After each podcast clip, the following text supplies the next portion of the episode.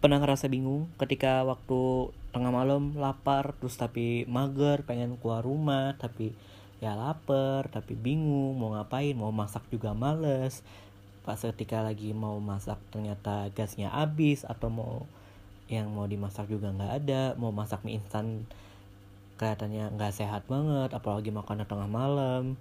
Ada yang rasa bimbang kayak gitu nggak selamat datang kembali di Study Story kali ini. Yang tadi kan pernah ngerasain yang kayak tadi kan kayak udah tengah malam tapi kok lapar. Kalau lapar di bawah tidur ntar nggak enak ntar kepikiran mimpi makan terus kebangun tengah malam malah lebih parah lagi laparnya. Terus siapa tahu atau ada juga yang tengah malam pengen keluar rumah tapi takut takut ntar di jalan kenapa kenapa atau malah bingung juga mau beli apa. Terus akhirnya bingung sendiri kayak gimana. Terus kayak tadi juga ada yang mau masak mau masak mie instan gak sehat tapi mau masak yang lain juga males. Pasti dengan kehadiran hal ini tuh pasti ini sangat membantu teman-teman banget loh. Ya pasti teman-teman udah pasti sering lah menggunakan jasa ojek online lah. Padahal namanya ojek online ya ojek ya. Teman-teman pasti tahu kan ojek itu kan biasanya kalau kita mau pergi ke mana gitu kan kayak mau saya dari rumah mau ke kantor atau dari rumah mau sekolah yang saya kita nggak boleh bawa kendaraan. Kalau misalnya buat teman-teman yang masih di bawah umur kayak nggak boleh bawa kendaraan karena takut melanggar peraturan dan segala macam ya akhirnya pesan ojek buat nganter kita. Tapi sekarang pergeseran bukan pergeseran sih bisa dibilang fungsi dari ojek itu jadi bertambah dengan adanya ojek online. Nggak cuman sekadar untuk nganterin penumpang dari satu tempat ke tempat lainnya ya. Mereka juga akhirnya menambah jasa buat kayak beliin makanan terus ada yang buat nganter barang terus juga buat bantuin pindahan terus buat belanja juga karena malas karena segala macam entah karena sibuk dan hal-hal yang lainnya. Ini lumayan sangat mengubah hidup kita ya. Apalagi dalam rentang 2, 3, 4 tahun terakhir ini ya pokoknya benar-benar merubah kehidupan kita tuh. Jadi entah kenapa kalau menurut gue ya ini pendapat gue pribadi ya siapa tahu mungkin teman-teman yang ada yang nggak setuju dengan pendapat ini dan semacamnya ah, dengan ah ini nih masa pendapat yang kayak kayak gini kayak gini tuh? Ah pasti banyak lah pasti teman-teman punya pendapat lain lah. Kalau menurut gue sih jadi bikin kayak sedikit lebih pemalas jadinya karena apa apa mau beli makan tinggal mesen ojek online tinggal mau beliin minum bahkan kayak beli kopi secangkir aja pesan ojek online dan segala macam. Ini kalau misalnya yang kayak kita mau makan sesuatu dan tempat itu cuma lumayan deket atau kayak kita mau jajan bahkan tuh kita entah jalan kaki atau naik kendaraan pribadi punya kita tuh juga deket tuh udah nyampe. Cuman ya karena ngerasa banyak uang aja kali ya karena ya iyalah kita juga bayar kan. Kita perlu jasa mereka kita bayar. Ya sesuai lah dengan itu juga. Ya lumayan lah. Kalau kita misalnya bisa berangkat sendiri lumayan lah bisa ngehemat uang kan. Bukannya gue pelit ya cuman karena gue punya prinsip ya kalau misalnya memang gue punya kendaraan pribadi selama masih gue megang kendaraan pribadi gue akan lebih bela-belain untuk berangkat sendiri loh. Bahkan di saat tengah malam kayak misalnya gue berangkat beli makan nih kayak lapar banget sekitar jam 11 jam 12 gue masih bakalan bela-belain untuk berangkat sendiri meskipun kayak malam banget nih ntar takut kenapa-napa di jalan. Ntar mungkin teman-teman juga mikir ah lu cowok sih makanya enak aja kalau mau keluar malam kasihan cewek-cewek kan. Biasanya paling juga cewek-cewek juga pasti akan ngeluh kalau makan tengah malam ntar takut gendut dan segala macam. Ya gue sadar diri sih karena mungkin karena emang kebiasaan yang tidak terlalu sehat ini entah tidak terlalu sehat memang, memang tidak sehat ya untuk makan tengah malam. Itu juga ya bikin badan gue lumayan besar seperti ini dan lumayan berat. Ya itu.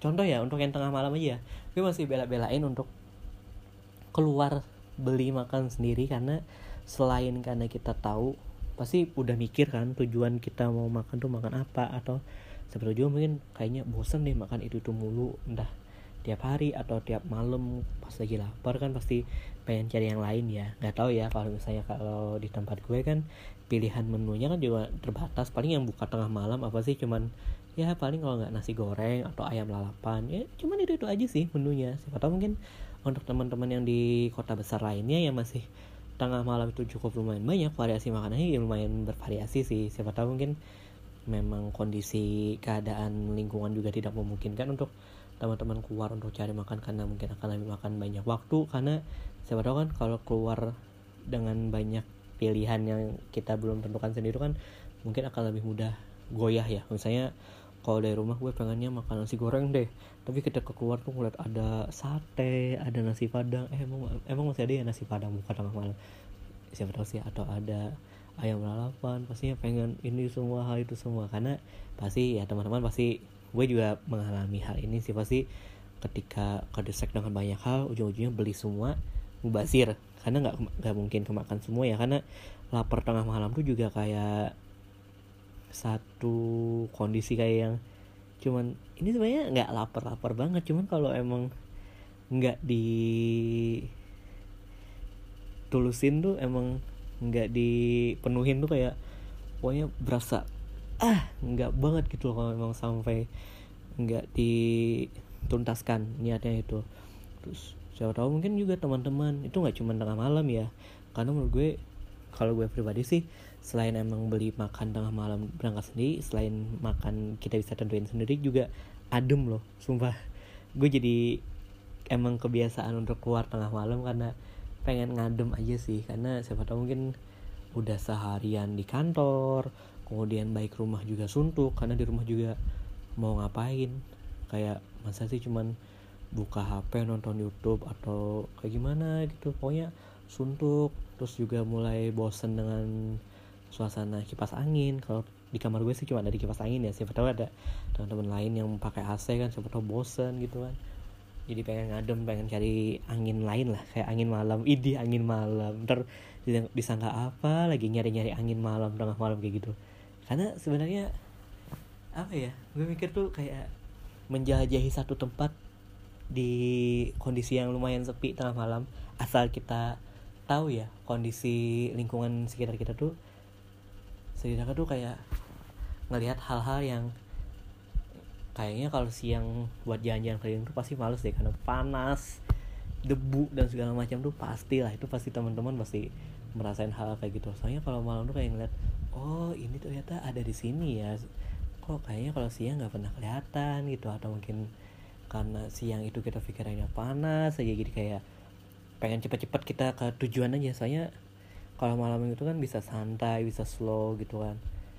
Nah, itu kayak mungkin teman-teman juga yang sering kalau gue sih karena gue juga kerja sekarang kan di kota yang tidak terlalu besar ya masih bisa dijangkau dengan akses kendaraan pribadi sendiri gitu kan. Jadi misalnya kayak pengen beli kopi segelas gitu kan masih bisa berangkat sendiri lah. Kecuali kalau memang yang jarak yang lumayan jauh atau mungkin teman-teman juga banyak yang nitip ya itu mungkin bisa lah pakai jasa ojek online ini kan. Karena titipan ya karena banyak ya. Masanya ya pasti tahu lah teman-teman juga pasti banyak yang males kan kalau misalnya kita berangkat eh titip ini dong titip ini dong titip ini dong. Masanya kita pengen beli sendiri cuman buat kita sendiri. Masa dititipin kayak gitu tuh ya nggak apa-apa bantuin orang. Cuman kadang-kadang juga pasti ada rasa males nggak mungkin teman-teman tuh kayak ih iya pasti deh ntar titip ini ya titip itu. Hai nggak mungkin lah pasti ada teman-teman ada ngerasa kayak males lagi dititipin tuh. Pokoknya pengennya tuh beli sendiri aja bukan merasa kayak pelit pengen bantuin apa kayak gimana. Cuman ya sedangkan kalau barang-barang gitu kan kalau banyak ya pasti teman-teman juga pasti lebih banyak menyarankan untuk menggunakan jasa ojek online ya. Siapa tahu mungkin karena jaraknya emang jauh juga. Dan gue juga mikirnya dari mana dapat keuntungan dari ojek online ya? Karena tarifnya tuh kan lumayan rata ya. Mungkin bedanya karena dari jarak aja ya jarak lokasi. Kalau kita misalnya pesan makan itu kan dari jarak lokasi kita kerja atau tempat kita tinggal sama lokasi tempat makan yang kita pesan itu kan ya relatif ya. Tapi kebanyakan jarak yang cukup beda sisi jauh tuh harga ongkos kirimnya juga lumayan tipis ya. Kayak selisih cuman seribu dua ribu gitu. Cuman ya kita nggak tahu ya dapat dari mana keuntungannya. Mungkin entah kalau dari developer ojek online sih pasti dapat keuntungannya kan dari aplikasi karena aplikasi makin sering digunakan kan makin banyak paket data yang yang terpakai itulah keuntungan yang mereka dapatkan. Cuman itu kan dari developer. Kita pernah mikir nggak sih untuk para driver ojek online itu dapat keuntungan itu dari mana? Soalnya pengalaman gue sendiri ya gue kan misalnya kalau lagi dinas luar nih yang nggak mungkin pakai kendaraan pribadi karena jujur kalau gue sendiri sih pakai transportasi online kayak ojek online atau taksi online dan segala macam itu pasti di saat gue nggak bisa ke mana-mana dengan transportasi pribadi. Misalnya kayak lagi dinas luar ke luar pulau atau kayak gimana gitu kan pasti itu hal-hal yang sangat membantu sih karena kayak kita tinggal buka HP pencet lokasi ini ke sini terus dapat driver yang otomatis mau bayar pakai saldo digital atau pakai uang tunai kan banyak tuh pilihannya mau bayar pakai apa aja kan. Dan lumayan memudahkan lah. Sungguh ini benar-benar kayak merubah hidup kita banget loh. Kayak misalnya kalau dulu tuh ke mana-mana taksi mahal gitu kan. Apalagi kayak pasti teman-teman kalau yang sering dinas luar pasti problemnya kalau dari bandara tuh taksi bandara tuh lumayan mahal. Tapi dengan adanya taksi online yang mungkin kalau dulu sih taksi online sering kucing-kucingan sih sama tugas bandara. Kalau sekarang sih yang gue tahu emang banyak bandara yang sudah bekerja sama dengan developer taksi online ini ta eh, taksi online transportasi online ini kan. Jadi sama-sama saling memberikan solusi yang saling menguntungkan ya. Jadi ya bisa lah. Jadi banyak yang dialihkan juga dari driver taksi konvensional jadi driver taksi online. Jadi sama-sama saling menguntungkan karena pastinya dengan adanya kehadiran transportasi online ini kan jadi hal-hal yang bersifat konvensional kayak yang ojek pangkalan atau taksi mangkal dan segala macam. Itu kan pasti banyak berkurang lah meskipun juga masih banyak sih yang mempertahankan prinsip mereka sebagai mereka nggak mau daftar sebagai ojek online atau driver online karena alasannya apa ya ntar keuntungannya dikit atau gimana terus ada juga kalau yang gue sering baca berita atau baca di feed feeds IG atau Twitter Twitter segala macam itu kan kayak malu nih ngojek karena pakai jaket ojek online karena ketahuan banget kan kalau pakai identitas ojek online tuh pasti wajah wih ngojek pakai itu ketahuan banget dan tuh kalau ojek kan. Soalnya kalau mereka yang kalau yang gue baca sih mereka kalau yang ojek konvensional tuh karena mereka berpenampilannya seperti itulah. Sebagaimana adanya jadi nggak ketara kalau mereka itu adalah tukang ojek.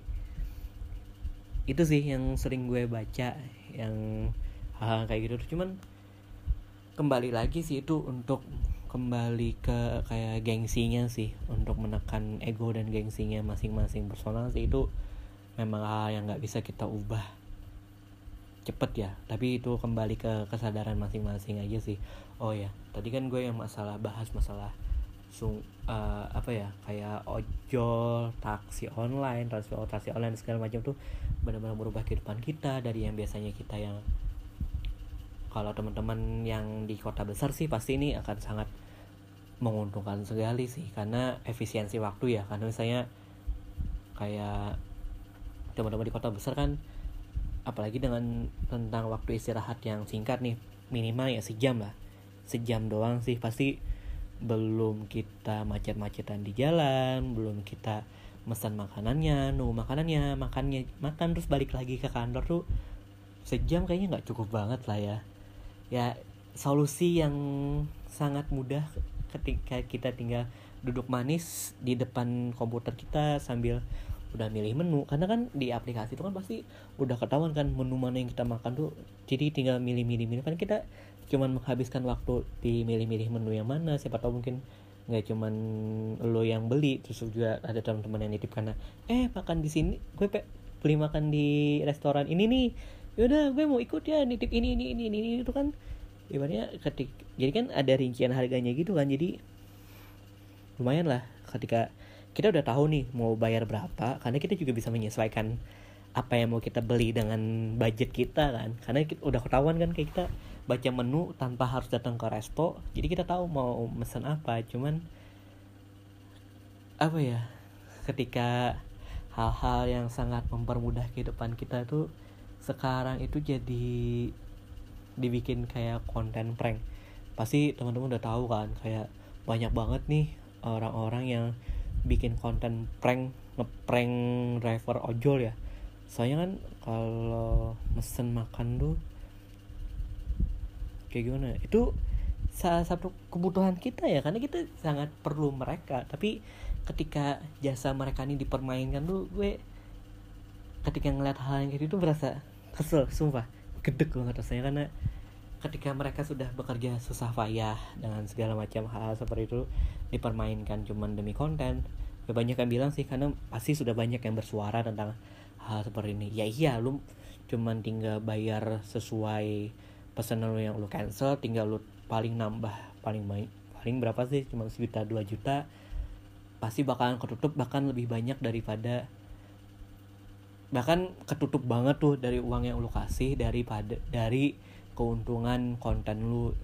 Ini sih paling banyak sih para youtuber sih karena lumayan ya keuntungan YouTube tuh wah luar biasa banget sih. Makanya banyak yang bilang lu bisa aja mau ngasih pamer mau ngasih berapa ya pasti ketutup juga sih sama keuntungan uh, AdSense di YouTube pasti lah untuk dan segala macam. Gue tidak ingin membahas lebih lanjut masa itu karena sudah banyak pasti yang bersuara tentang hal seperti seperti itu ya sangat disayangkan sekali sih ketika orang dengan mudahnya mempermainkan perasaan orang lain, mempermainkan kebaikan orang lain dengan pekerjaannya kemudian dijadikan satu keuntungan tersendiri itu sangat-sangat meresahkan sih. Kalau menurut gue sih sangat-sangat meresahkan ya.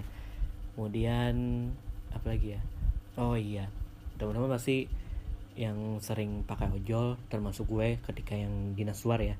Karena ya itu tadi gue cuman menggunakan jasa ojol atau taksi online ketika gue tidak ada akses menggunakan kendaraan pribadi ya. Pernah nggak nemuin kalau gue sebagai cowok ya pernah nemuin driver cewek? Atau mungkin teman-teman cewek juga sih yang banyak nemuin driver cewek apa yang pertama kali terlintas di pikiran kalian ketika kalian mesen dan akhirnya ada pada driver cewek?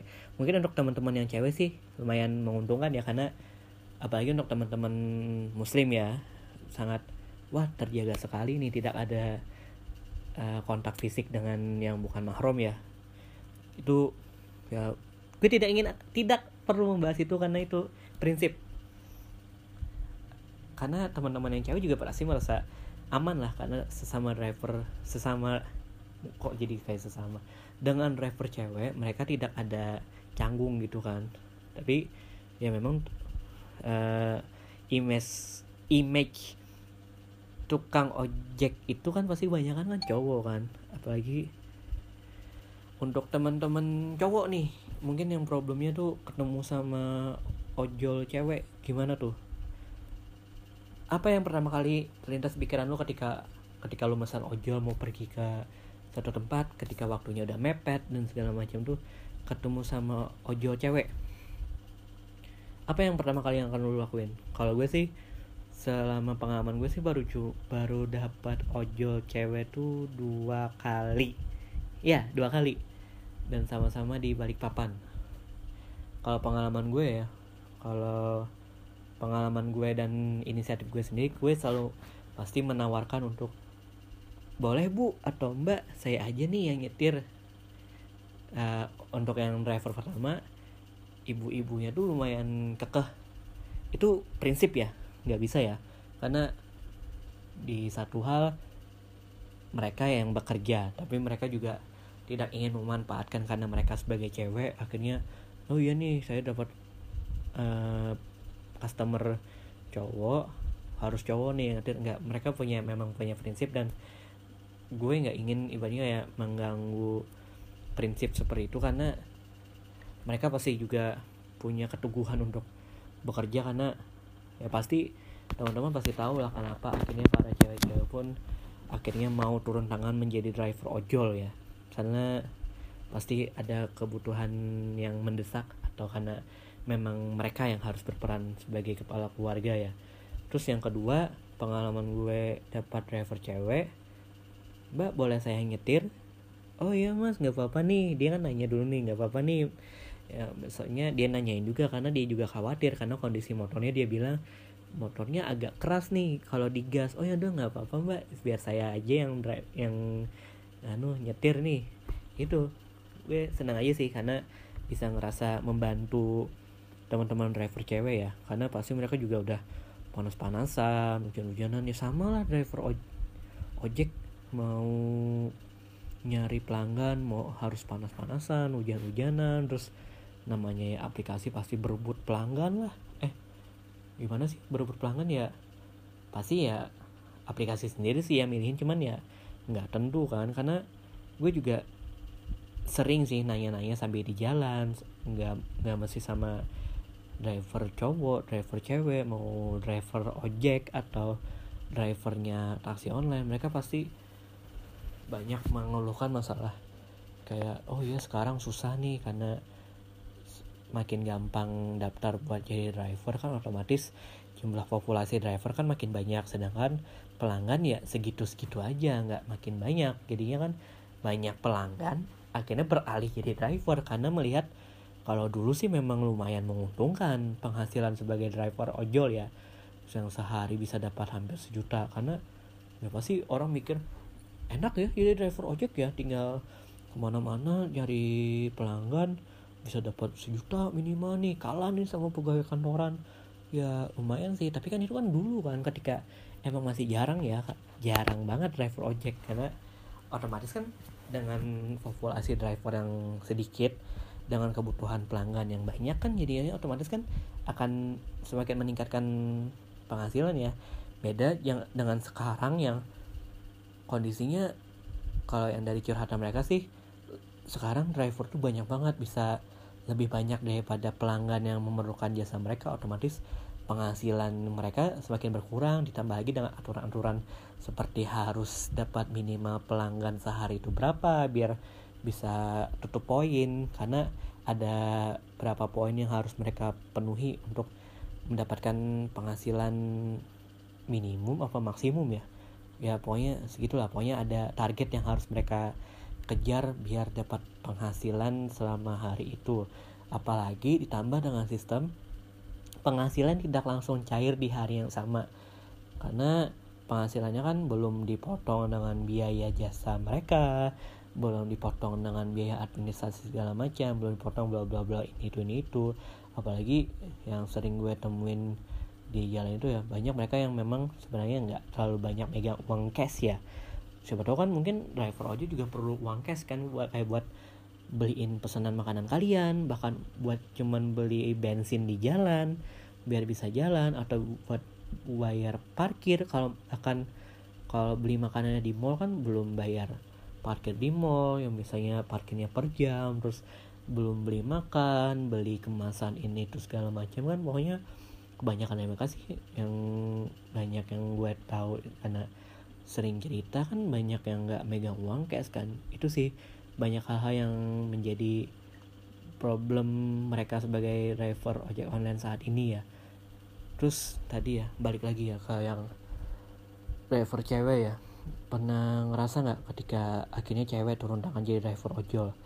Yang kalau mungkin kalau yang untuk driver cewek yang masih bujangan sih mereka pasti biasanya buat tambahan penghasilan buat bayar kuliah atau buat biaya sekolah mereka sendiri atau kayak gimana ya. Cuman untuk yang teman-teman driver ojol yang ibu-ibu entah mereka punya suami atau mereka single parent kebanyakan sih kalau gue nemuin sih kebanyakan sih kalau driver ojol kayak gitu tuh single parent ya. Mereka tuh benar-benar luar biasa loh sebagai seorang perempuan sebagai seorang ibu yang sedang berusaha untuk mencukupi kebutuhan hidupnya dan anak-anaknya dan keluarganya tuh berat banget loh jasa mereka tuh. Kayak benar-benar kayak mereka mau turun tangan bahkan di pekerjaan cowok ya. Bahkan nggak mesti jadi driver ojol sih banyak pekerjaan cowok-cowok lainnya yang ibaratnya image itu udah cowok banget nih pekerjaan ini tapi para ibu-ibu dan perempuan-perempuan hebat ini tuh luar biasa mau turun tangan dengan pekerjaan yang seperti itu. Gue sih salut sih apalagi kalau mikirin driver ibu-ibu ya. Pasti ingat ya sih sama mama di rumah. Meskipun mungkin juga mama gue kan juga lumayan beruntung ya karena tidak harus bekerja sekeras itu. Cuman kita pasti tahu lah bagaimana perjuangan seorang ibu. Entah dengan nasibnya yang beruntung atau tidak pasti akan selalu berusaha untuk menyenangkan anaknya gitu loh kayak ngerasa tuh kayak benar-benar anak adalah prioritas mereka. Gue apa ya jadi apalagi pas gue rekaman sekarang kan kayak ini momen itu deket banget kayak hari ibu gitu. Pokoknya kayak ngerasa benar-benar bersyukur gitu loh sama sama mama karena dengan mencurahkan sepenuh hati dan sekuat tenaganya untuk mendidik dan membesarkan anak-anaknya tuh benar-benar luar biasa loh. Itu ini kenapa jadi agak-agak melo gini ya. Nggak apa-apa justru hal kayak gitu tuh yang memang harus kita sadari ya. Kita harus syukuri karena kita punya orang tua. Kita pasti merasa apalagi untuk teman-teman yang merantau ya pasti ngerasa tuh apa ya kayak kangen rumah.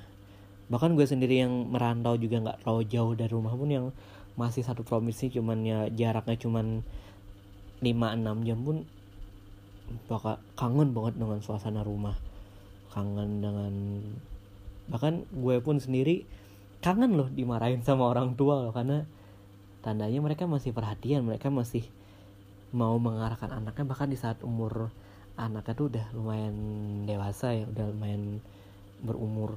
Bahkan ya itu sih karena hal-hal hal-hal yang hal-hal yang seperti itu yang pasti akan kita rindukan loh. Dari rumah. Pasti langsung pada melo kan dengar-dengar hal yang kayak gitu tuh. Nggak masalah apa pun yang kalian rasakan kalau misalnya orang tua kalian masih ada kalian punya akses untuk berkomunikasi dengan mereka kayak ada telepon teleponlah mereka berikan waktu. Paling enggak ya minimal setiap hari lah kalian telepon. Nggak kalau misalnya susah nelpon WhatsApp aja atau SMS tanyakan kabar mereka lagi apa terus udah makan apa belum? Kayaknya mungkin kayak receh banget ya kayak nanyain orang tua udah makan apa belum? Atau misalnya orang tuanya yang lagi berobat jalan atau yang lagi sakit diingetin jangan lupa minum obat sampai istirahat kayak gitu tuh. Emangnya sama pacar aja yang harus perhatian? Justru orang tua kita yang harus lebih kita perhatikan ya. Kayak gitu tuh gue ngerasa tuh kayak apa ya pasti teman-teman merasa kayak receh banget sih nanyain orang tua udah makan apa belum? Lagi ngapain? Emangnya sama pacar aja yang bisa diperhatikan? Karena pasti teman-teman mikir iya, iyalah yang kayak gitu tuh agak-agak entah gengsi atau segala macamnya ya. Cuman hal-hal kecil seperti itu pasti yang akan lebih diingat sama orang tua kita. Untuk teman-teman yang masih orang tuanya masih ada dan lengkap ya. Untuk teman-teman yang orang tuanya sudah sudah berpulang sering-seringlah doakan mereka. Kalau misalnya ada waktu ambillah cuti untuk mengunjungi makam mereka.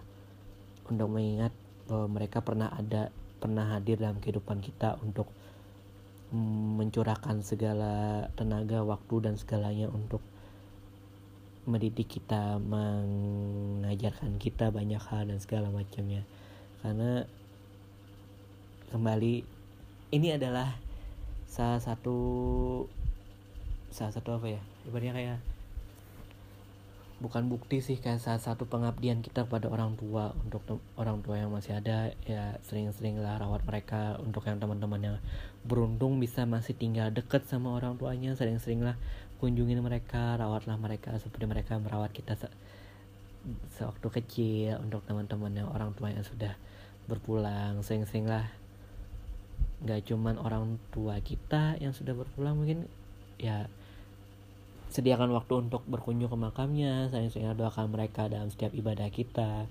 Jalinlah relasi bukan jalinlah relasi sih. Jalinlah komunikasi dengan saudara-saudara orang tua kita. Apalagi untuk teman-teman yang orang tuanya udah nggak ada ya. Itu pasti saudara-saudara orang tua kita bahkan saudara kita pun akan menjadi pengganti orang tua bukan pengganti sih ibaratnya jadi kayak sosok yang bisa memberikan perhatian setidaknya meskipun nggak sama sih tapi bisa memberikan perhatian yang sam kayak gimana ya pokoknya memberikan perhatian yang kita perlukan. Uh, gini bingung mau ngomong apa lagi karena udah terlalu melo banget jadinya pembahasan kayak gini tuh. Oh ya sebelum gue tutup mungkin teman-teman ada yang nanya ya gimana sih kok Ali bisa gitu loh bikin podcast terus ada di Spotify ada di iTunes segala macam. Pokoknya ini gampang banget caranya. Lu tahu kan tinggal search aja ada di App Store atau di Play Store. Namanya nama aplikasinya tuh Anchor.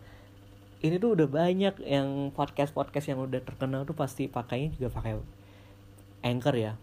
Nggak perlu kayak misalnya mau rekam podcast harus yang alatnya mikrofonnya harus yang mahal harus ada kayak gimana. Bahkan pakai handphone pun handphone pun juga bisa. Kayak gue pun beberapa episode ini tuh bahkan sampai yang episode yang ini pun gue juga ngerekamnya pakai handphone doang. Karena mudah gampang banget. Karena lewat anchor lu bisa bahkan nggak cuman upload bahkan bisa edit langsung mau kayak gimana. Podcast lu mau ada musik openingnya atau musik latar belakangnya atau musik closingnya segala macam. Pokoknya gampang banget lo pakai Anchor. Bisa lo edit langsung dan bahkan Anchor ini kan aplikasinya kan bawaan langsung dari Spotify nih.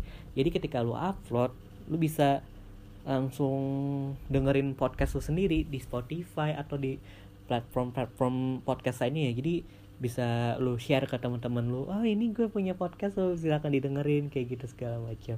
Pokoknya ini tuh gratis lu bisa langsung download di Play Store atau App Store nama aplikasinya Anchor A N C H O R atau lu bisa langsung buka di browser di alamatnya di anchor.fm jangan sampai lupa karena dengan ini ya Anchor ini lu bisa bikin podcast semudah kayak lu upload foto di sosial media lo gitu aja sekian dulu untuk episode Is Ali Story kali ini.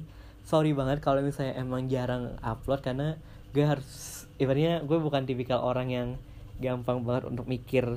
Mikir sih enak sih. Cuma untuk menyampaikan kata-kata secara langsung tuh yang mungkin agak-agak susah. Apalagi karena ngomongnya gue juga sendiri ya maklum ya. Karena susah nyari partner yang bisa pas untuk menyampaikan gimana ya kayak pendapat dan segala macamnya. Oke sekian dulu untuk episode kali ini. Terima kasih sudah dengerin Isali Story dan see you di next episode